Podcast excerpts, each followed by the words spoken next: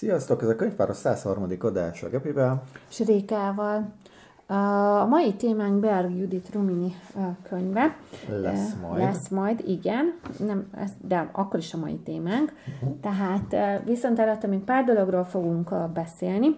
Például, hogy hogyan is állunk a digitális minimalizmussal, meg arról is, hogy esetleg még a Berg Judit könyvén kívül miket olvastunk, úgyhogy meg még talán pár dologról, ami felmerül, de ez a kettő, amit így előzetesen megbeszéltük. Melyikkel kezdjük a könyvekkel, vagy a digitális minimalizmussal? Kezdjük a digitális minimalizmussal, ezzel, ez szerintem most a rövidebb téma, és a többi témának a, az időbélyegjeit megtaláljátok az epizód leírásában, akárhol Szuper. is nézitek, vagy hallgatjátok.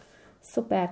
Ugye én még mindig nem olvastam végig azt a könyvet, mert közben a Szécsi Noémi lányok, asszonyok aranykönyvét olvasom még mindig, de olvasom, olvasgatom, és egyre több mindent gondolok így szépen lassan még, szóval nem is gond, hogy ezt én nem egy ilyen egy végtébe, egy repülő út alatt olvastam el, ez csak élbevezető, és abban igen, de, de hogy ezt így is ajánlja. Tehát, Aha. hogy az van az előszóban, hogy olvasd el a, az első 30 napra való instrukciókat, és uh-huh. aztán amikor elkezded azt az első 30 napot, az alatt a 30 nap alatt olvasd el a könyvnek a második felét, és akkor szépen lassan hetente elkezdheted bevezetni azokat a, azokat a dolgokat, amik, amikről ott ír, meg azokat a konkrét javaslatokat, és akkor élesben is tudod őket teszeni, és ott a második résznek a felépítése is olyan, hogy a, az egyszerűbben elvégezhetőtől halad a mhm. bonyolultabb felé.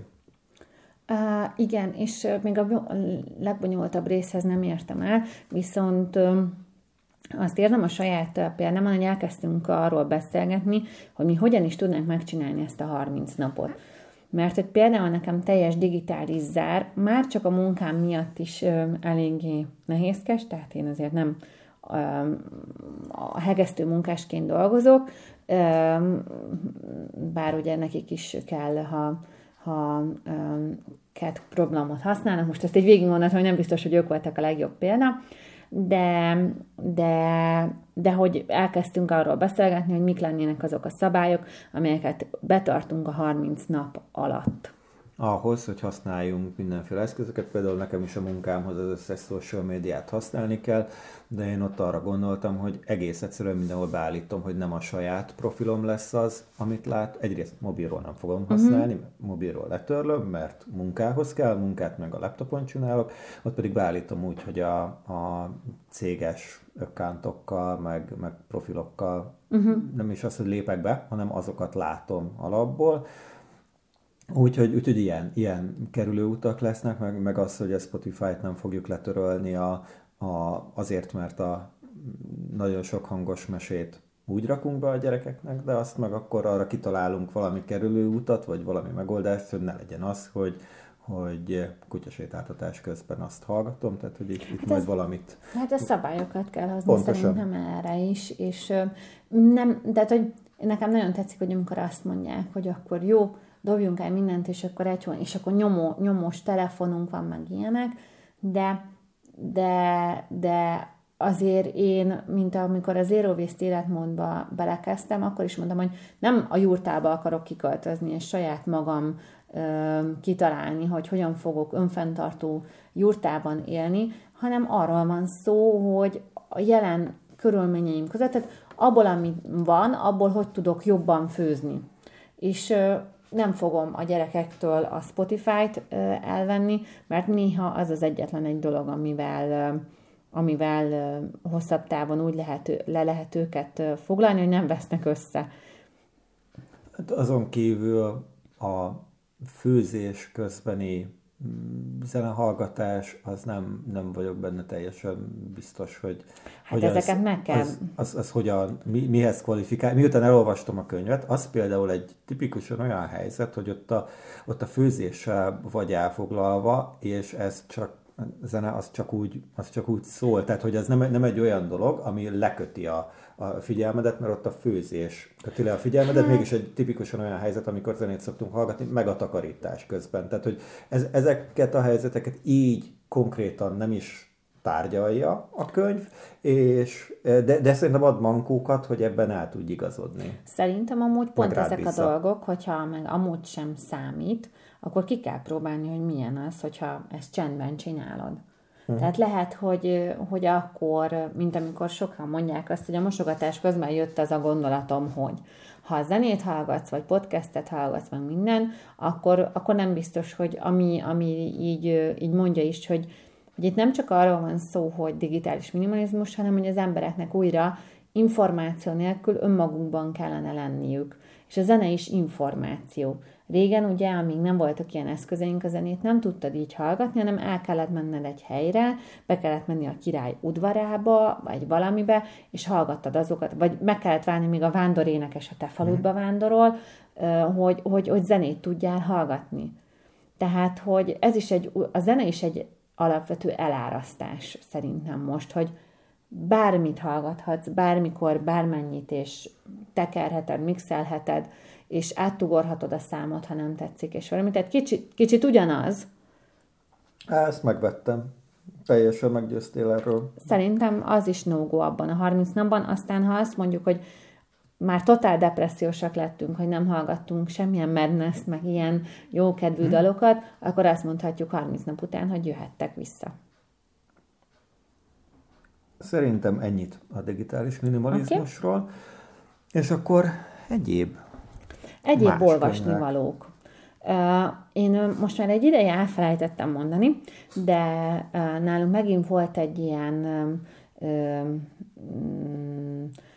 az anyukám átrendezi megint a nappaliát, vagyis átrendezi a nappaliát, és megint szelektált rengeteg könyvet, és ezekben a könyvekből kiesett pár dolog, amit soha most már tényleg nem akar megtartani, és kezembe került egy olyan könyv, ami nagyon vékonynak tűnt, és, és gondoltam, hogy hát ez egy ilyen női író írta, sosem hallottam róla, de hogy régen állítólag egy népszerű író volt így a 30-as években, 30-as, 40-es években. Szederkényi Annáról van szó, akinek a Vöröshajú című könyvét olvastam el, és hát egy olyan, a maga a történet egy olyan történet, ami, ami, ami egy ilyen meseautó történet. Tehát ami akkor ment a, a, a filmekben, úgy is van megírva, egy ilyen legtűrös, ponymás dolog, de ami miatt érdekes volt egyrészt, hogy, hogy akkor mi számított sikeres regénynek, mert hogy ez egy sikeres, meg népszerű regény volt akkor, másrészt ezért nagyon sokszor türemkedett be ebbe az egész mézes-mázos, varázslatosan tehát tényleg olyan varázslatos csattanó van a végén, tehát ilyen meseszerű dologba, becsattant egy olyan dolog, hogy, hogy azért bebetüremkedett az akkori, akkori úgymond másosztályoknak az élete. Tehát a szolgák, a lecsúszottak, a földbirtokosoknál a parasztok, a mit tudom én, tehát hogy volt egy csomó minden, ami ilyen, ilyen, ilyen azért ez a, szólt erről is, kicsit megmutatta azt a részt, és szerintem azokban, a, azokban látszott, hogy, hogy abba, abba úgy, úgy több energiát fektetett bele az író, de tudta, hogy egy nőtől, egy, vagy hogy tőle egy ilyen könyvet fogadnak el, hogy ilyen tényleg egy, egy meseautó történet mm. van a végén, tehát, hogy csodálatos, boldog befejezése van. Nagyon sokat szenvednek előtte a hősök, akik a szenvedésben is ö, ö, teljesen integrál, megőrzik az integritásukat, és, és semmi olyan dolgot nem csinálnak, ami a, ebben a jóságban egy kicsi rossz foltot is tesz rájuk, tehát mm, igazi mese.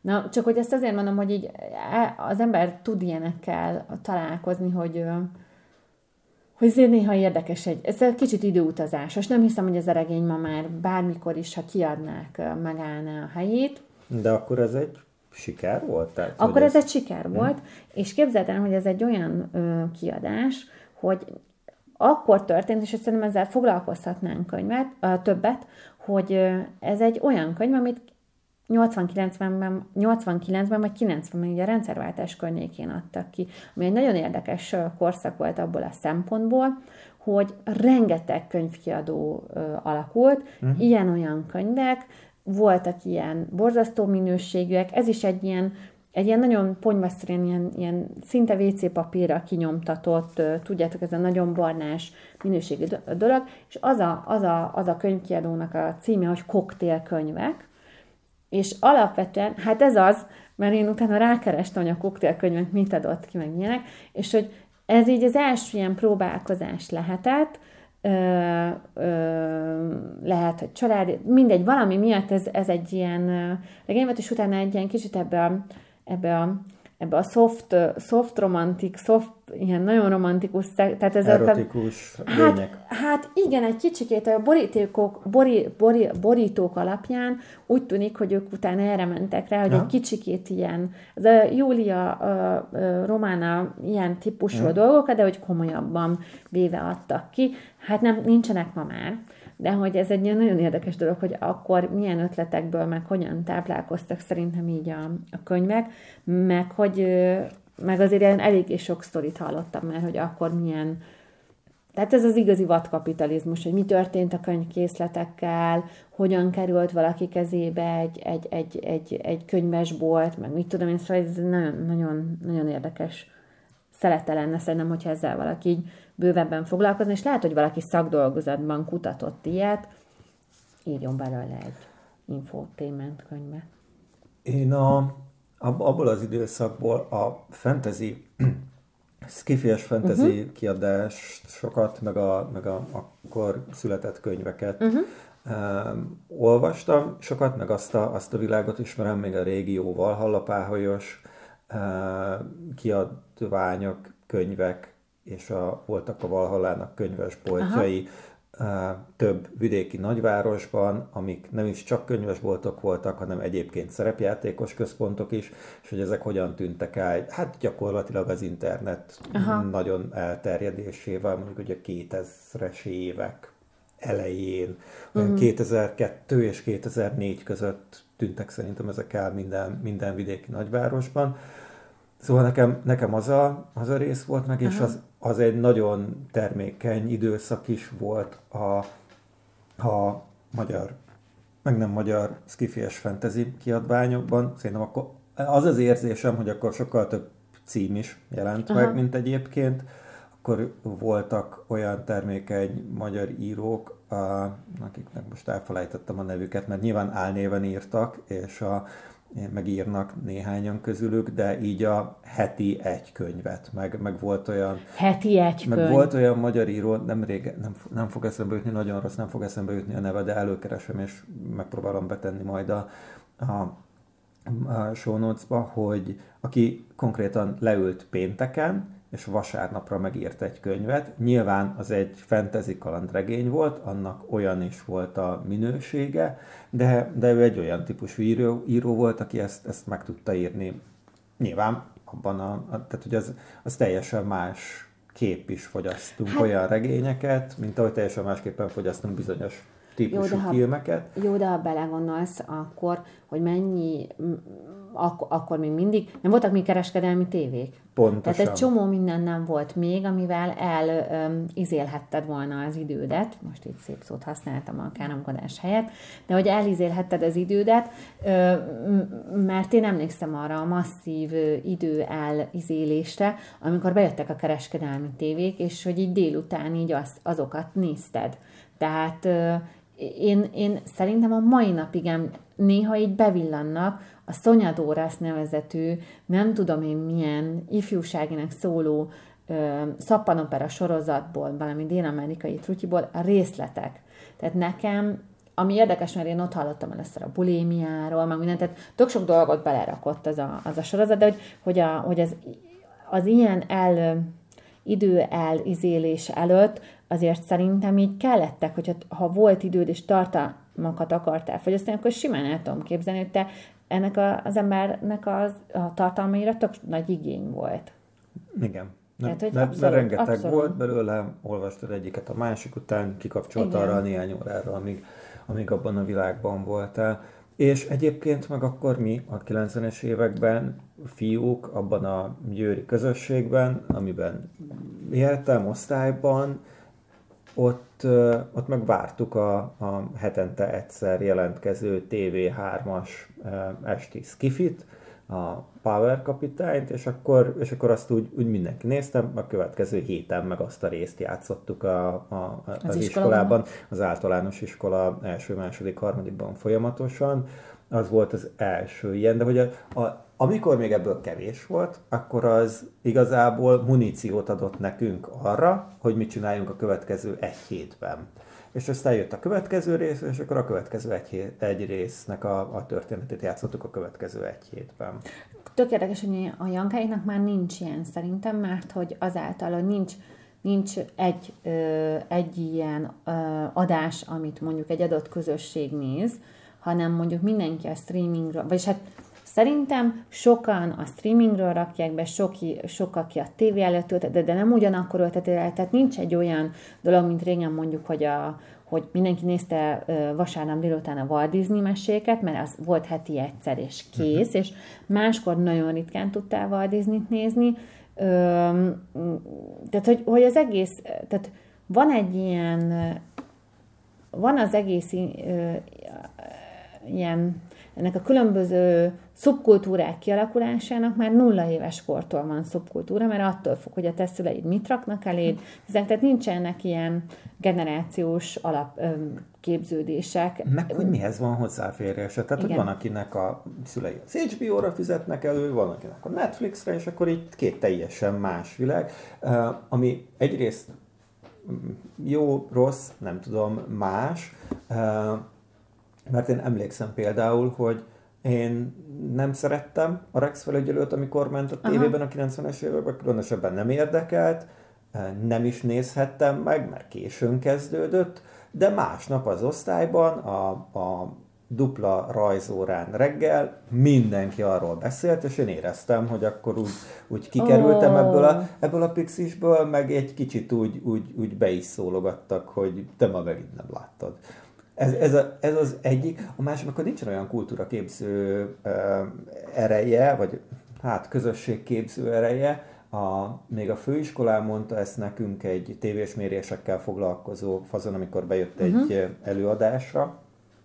Nem tudom, hogy városi legenda és mennyi a valóság alapja. Minden esetre ott mesélte el, hogy volt egy olyan időpillanat a magyar történelemben, a 90-es években, amikor, men, és ezt mérték, ezt mhm. állítja, uh-huh.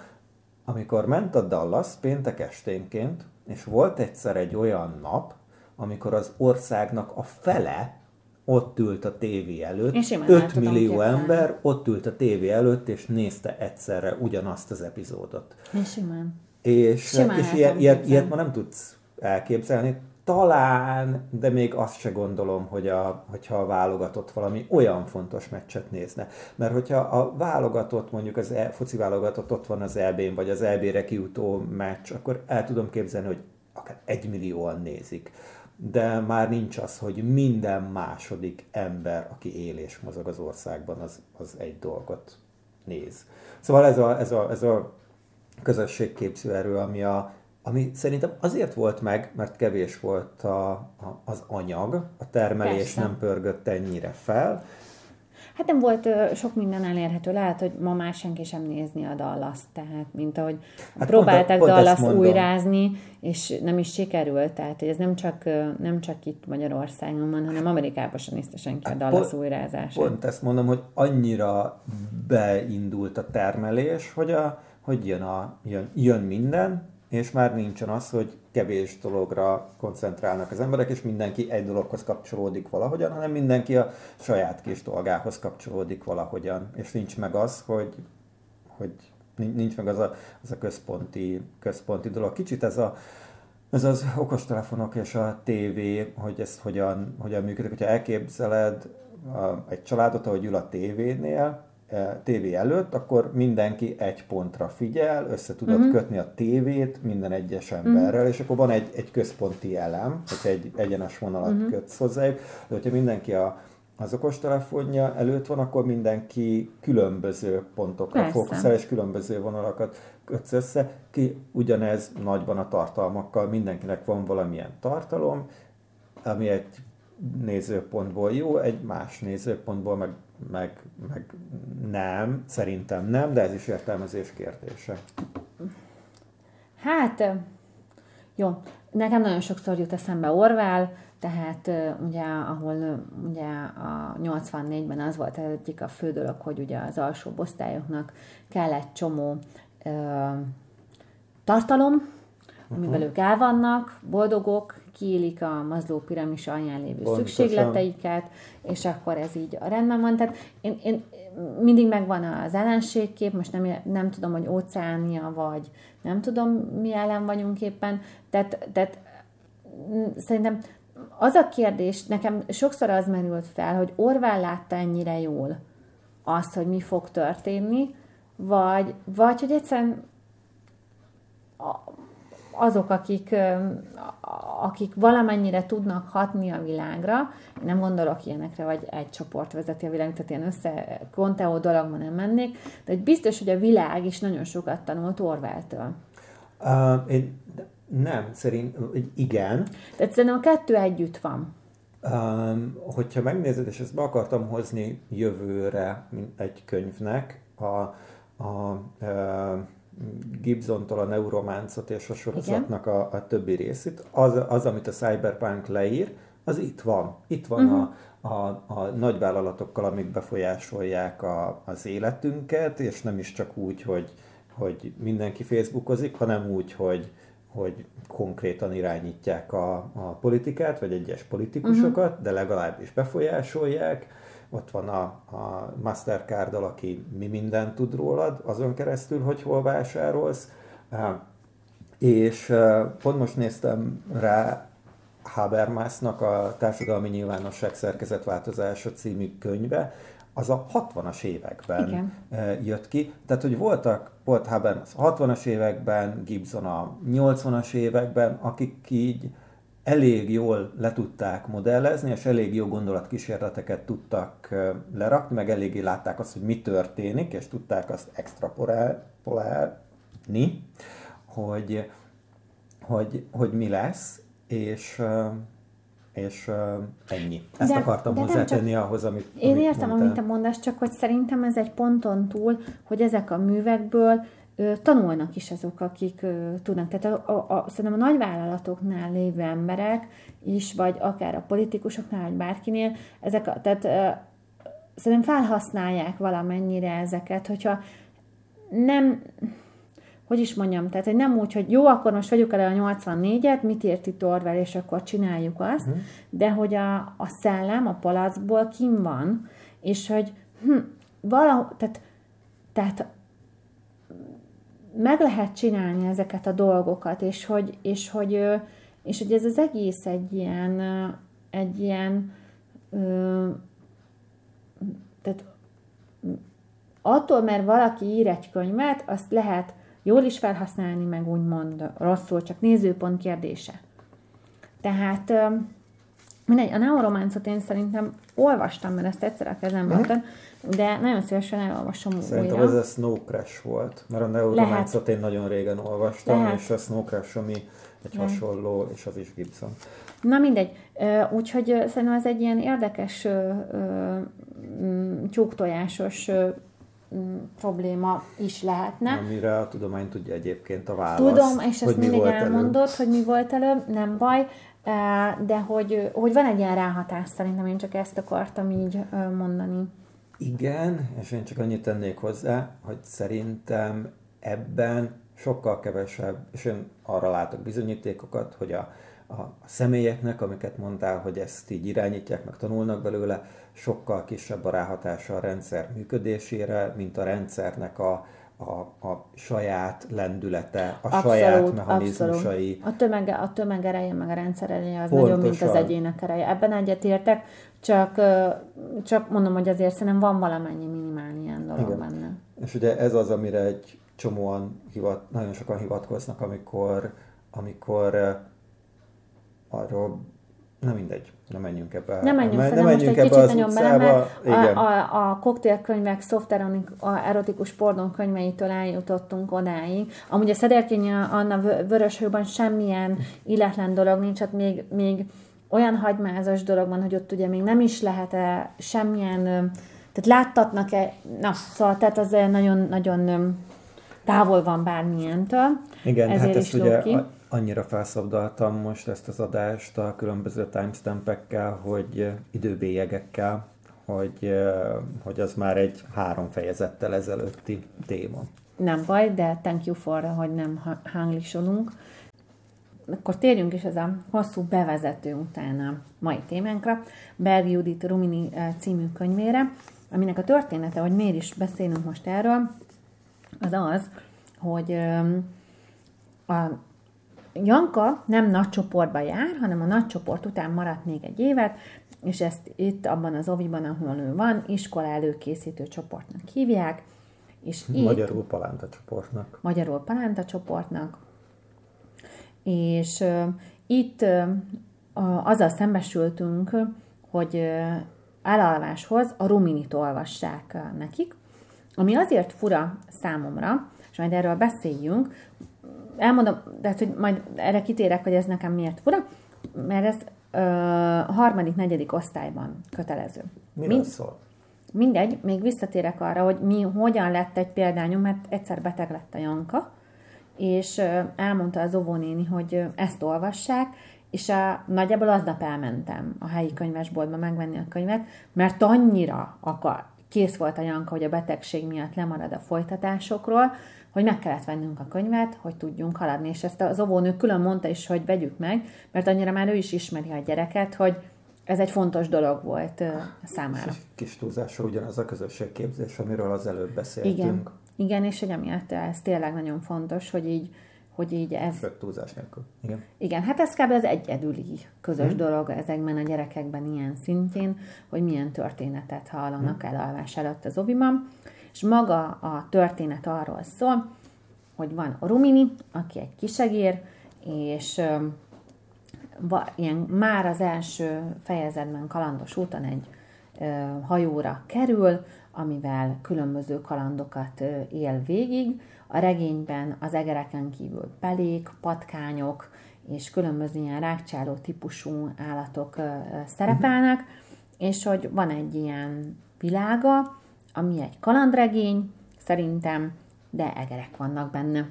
Igen. És nagyjából ez a fő sztoria, és mi úgy nem olvastam végig a könyvet, tudom mi a vége, tudom a közepét, tudom az elejét, de egyes fejezetek nincsenek meg, mert hogy ugye az történt, hogy a Jankával úgy kellett ezt olvasni, ahol ő abba hagyta, és mivel a Dávid is olvasott is neki, én is olvastam neki, ezért mindig máshol veszem fel a fonalat, tehát most már negyedszere vagy ötödszöre olvasok el a könyvet, de még mindig van olyan fejezet, amit nem olvastam el, és most direkt kértem a Jankát, hogy olvassam, hogy olvassam el, választam ki én a fejezetet, hogy mit olvasunk, de még így se sikerült végigérni azokon a dolgokon.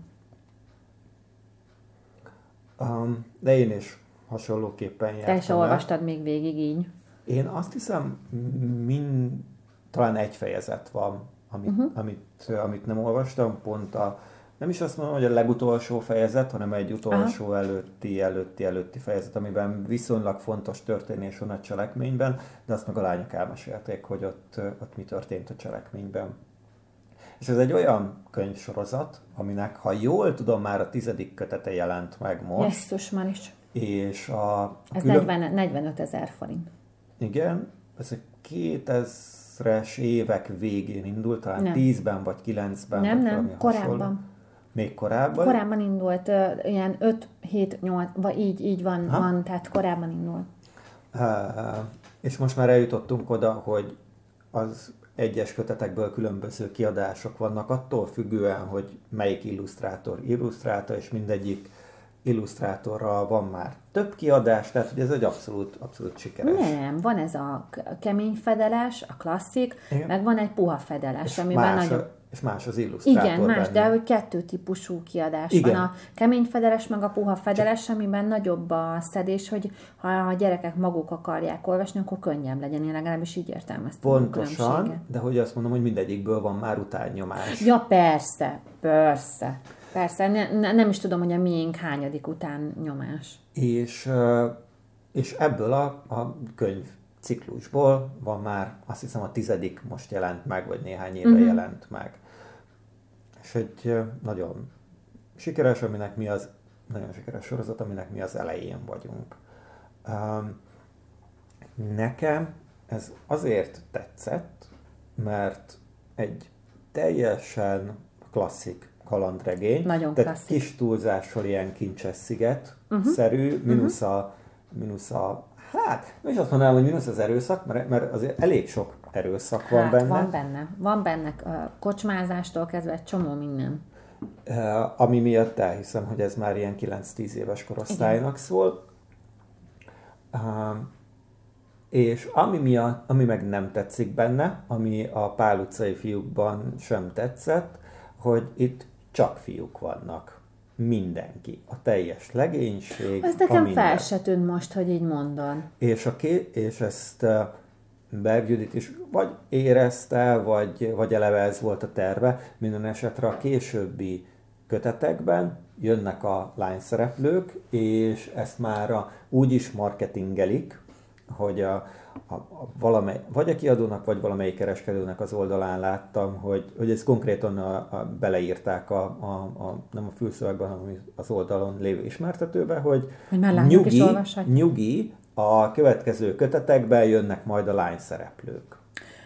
Aha, értem. Nekem nem tűnt fel. Valószínű azért, mert a klasszik kalandregényeknél nem szoktak ugye lányok benne szerepelni, ezért én megszoktam, hogy ebben nincsenek lányok. Másrészt pedig nekem mindig ez a lány-fiú dolog, amikor állatokkal játszatjuk el az emberek dolgait, nekem ilyen, érted, nincs benne szexualitás, hát akkor nem mindegy, hogy lányok vagy fiúk vannak benne. Nekem van egy ilyen, de ez már egy nagyon felnőtt nézőpont.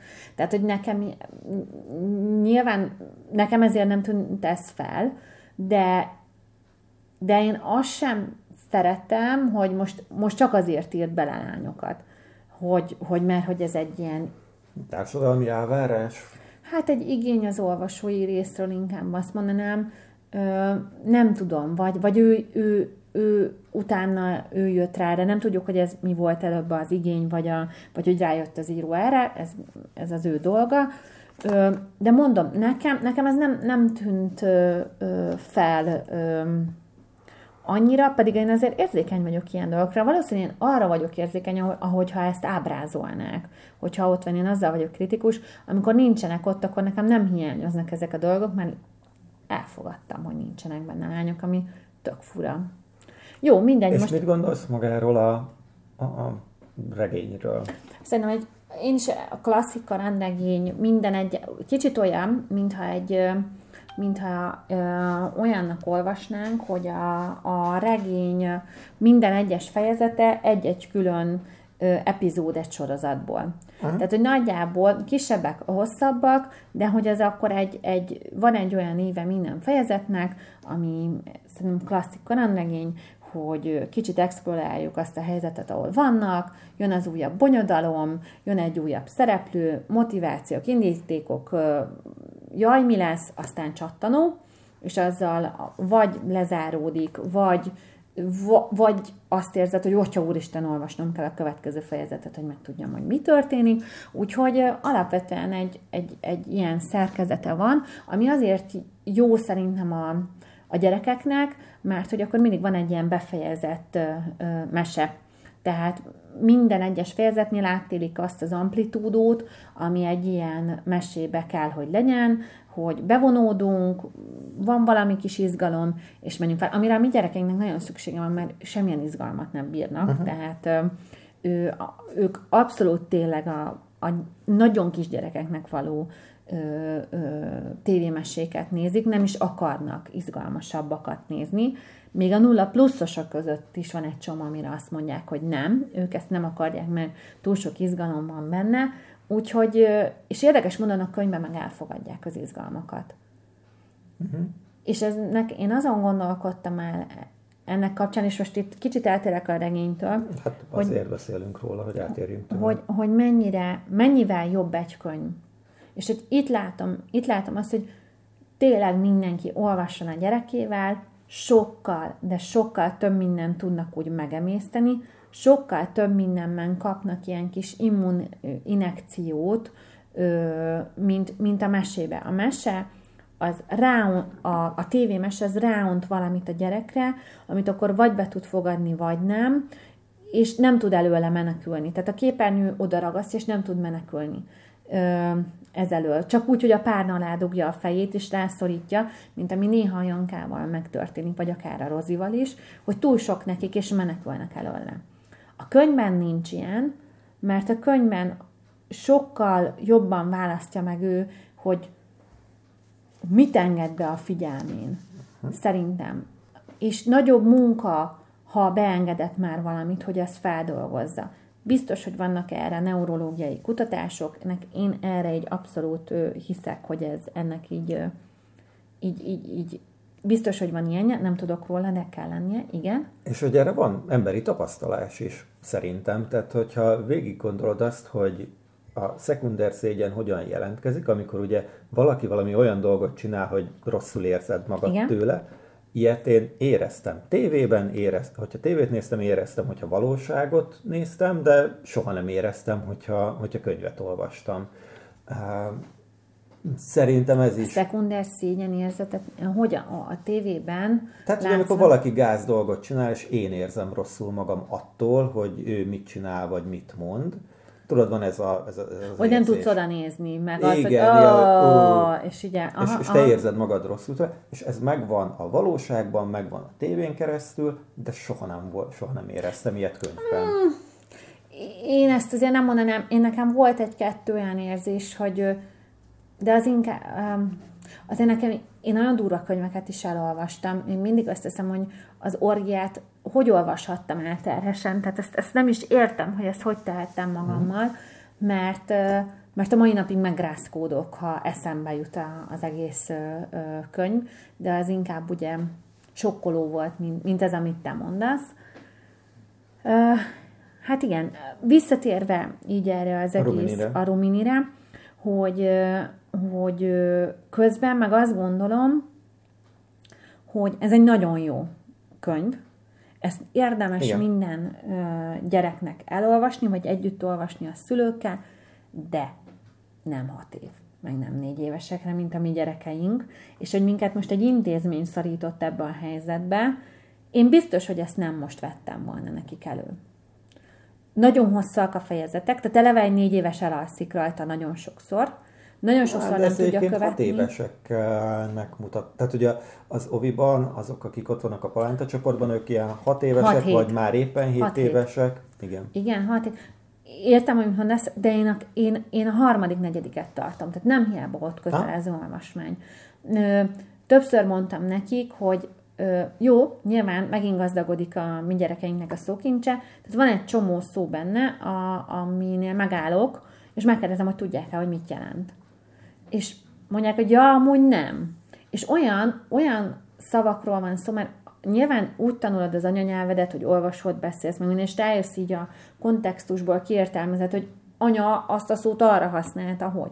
De itt azért ez már egy sokkal komplexebb dolog, és hogy így nem fogják kitalálni a kontextusból, hogy ez a szó mit jelent, mert csak egy ilyen, egy, egy szó benne. Meg más, hogyha csak leírt szövegben van, és nekik is kell elképzelni, mint Igen. hogyha látnak rá példákat is, hogy Igen. anya megfogta a lábast, meg anya mondja, hogy megfogtam a lábast, Tehát és akkor ez a lábas, meg ez a megfogás Már egy folyamata. csomó olyan abstrakciós dolog van benne, ami négy éveseknek minden, tehát ez abszolút nem. Hat évesnél azt mondom, hogy, hogy szó-szó, de még, még mindig korainak tartom. És a másik, ami, ami az én anyukámba felmerült, majd beszélgettem egy másik óvónénivel, aki szintén az idősebb pedagógus generációhoz tartozik, és azt mondja, hogy oké, okay, olvassuk ezt a ruminit, meg minden, de hol vannak a magyar népmesék? Mert hogy ez a por, ez a nagycsoportos kor, meg minden, amikor a magyar népmesék pont akkor a nagyságúak általában, vagy pont az a, az amplitúda van, uh-huh. amikor azokat lehetne olvasni.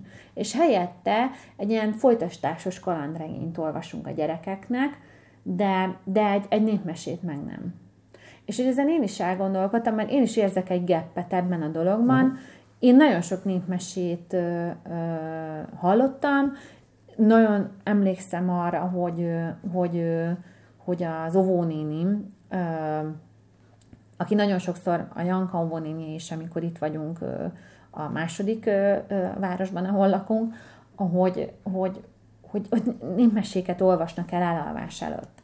És az alap magyar népmesékkel én az óvodában, majd később itthon így ismerkedtem meg.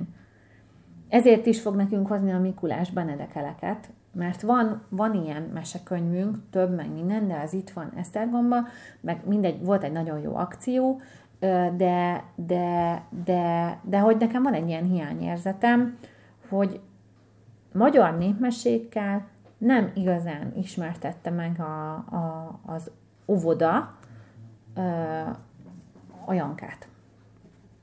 Tehát ez valahogy kimaradt. A pagony, tehát olvastak Cernák Esztert, olvastak ezt, olvastak azt, tehát a, a pagony kiadónak a népszerű és amúgy szerintem jó gyerekeknek szóló meseiből, ami tényleg reflektál a mai korra, meg költözésről van szó benne, meg fogkiesésről, meg hogy megyünk fodrászhoz, meg mit tudom én, tehát az ő élményeiket dolgozzák általában a pagony kiadós könyvek újra fel, de nincs népmese. És ez nekem, nekem fura. Most, hogy ez jó-e vagy rossz, az megint egy más kérdés. Szerintem rossz.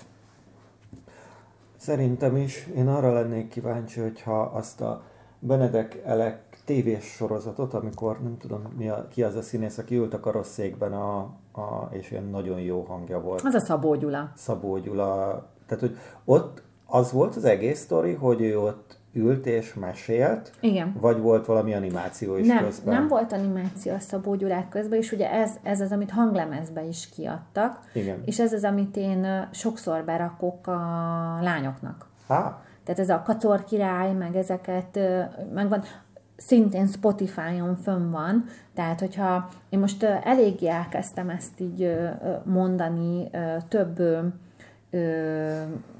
így szülőkkel beszélgetve, hogy nem is tudom, ki panaszkodott, hogy hát, hogy reggel már a gyerek ugye megnéz egy mesét, és hogy ezért mennyire bántja, de hogy, hogy nem tud mit csinálni, mert, mert, mert az élet és mert a minden. Igen. Mindegy, nem megyünk bele, én is kerültem már ilyen helyzetben, és, és így mondtam neki, hogy figyelj, mondom, én is vagyok néha így, mondjuk reggelente nem, mert ha mi reggel egy mesét belakunk, akkor tényleg nem érünk be sehová, de hogy, hogy délután van olyan, hogy berakok nekik egy-két ilyen hangos mesét, és hogy hallgatják. És az is olyan, hogy, hogy megint más minőség. Nyilván az a jó, hogyha összebújtok, meg tud kérdezni, meg, meg, meg leállítjátok, meg, meg, meg, meg veled van, de hogy a hangos mese is még sokkal jobb, mert nem úgy szögez le. Tehát ők közben szoktak színezni, rajzolni, vagy eljátszák közben, amit hallanak, tehát nagyon más.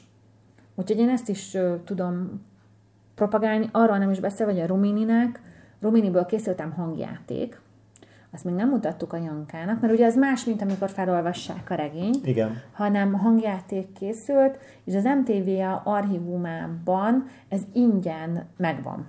Tehát, hogyha rákeresel erre, hogy Rumini hangjáték a neten, akkor nagyon harmadik, negyedik link az az lesz, ami jó. Ö, maga a szerző is azt hiszem felrakta a Berg Judit szerzői oldalra, én talán ott találtam meg, és a hangjátékot be tudod rakni. Megint más. Megint nem az van, hogy ülsz és nézed a, a, a mesét, hanem megint egy eszköz arra, hogy, hogy, hogy más minőségbe hallgassanak történeteket. Szerintem ez így kerek. Van még bármi, amit, amit hozzá akarsz rakni ehhez, és nem, nem mondtunk el? Hát igazság szerint nekem a, annyi van, hogy Berg Juditnak azért nem csak a Rumini a, a munkásság, hanem ő rengeteg könyvet, Aha. meg nagyon sok mindent csinált. Még én egy dolgot ajánlok tőle, és egyet kérdőjelesen mondok. A, az UNICEF-nek ő, oh, neki igen. van egy levél kampánya, hogyha a havi 2500 forinttal támogatod az UNICEF-et, akkor minden hónapban jön egy boríték a két kis dinóval, aki amúgy mesekönyvben is megvan a két kis dinó, de hogy ez kifejezetten az UNICEF-nek azok az országok, ahol programok vannak, azokkal a gyerekekkel a két kis dinó találkozik, van egy mese, és vannak az országgal kapcsolatos ilyen foglalkoztató kiadványok. Nem is ez a lényeg, hanem hogy a gyerek postát kap. És Janka annyira várta minden hónapban ezeket a leveleket, hogy, hogy nagyon jó volt, nagyon szerette, ez egy évig megy, egy évig havi 2500 forint, úgyhogy én ezt a kezdeményezést, ezt, ezt abszolút pártolom meg, meg, meg szerintem nagyon jó ötlet, hogy így, hogy így ezt megcsinálták.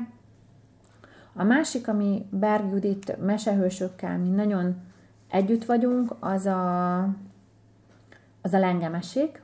Aha. És a lengemesék érdekes módon nekünk nagyon sokan mondták, hogy jaj, könyvbe meg milyen jó, meg ilyenek.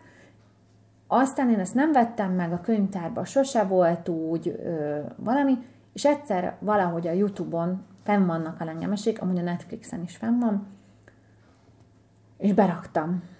És hát szokásos, tehát mindig azt gondolom, hogy nincsen ideje arra, hogy az embernek arra, hogy, hogy előre megnézze a tartalmakat, itt is ez történt, és a lengemesség egy háború sztori, amiben állandóan háborúznak, és nekem azért az nem esett annyira jól ez a történet, de majd erről de a talán... gyerekek meg annyira nem vették föl szerencsére. Igen, igen, más, más dolgokra koncentráltak.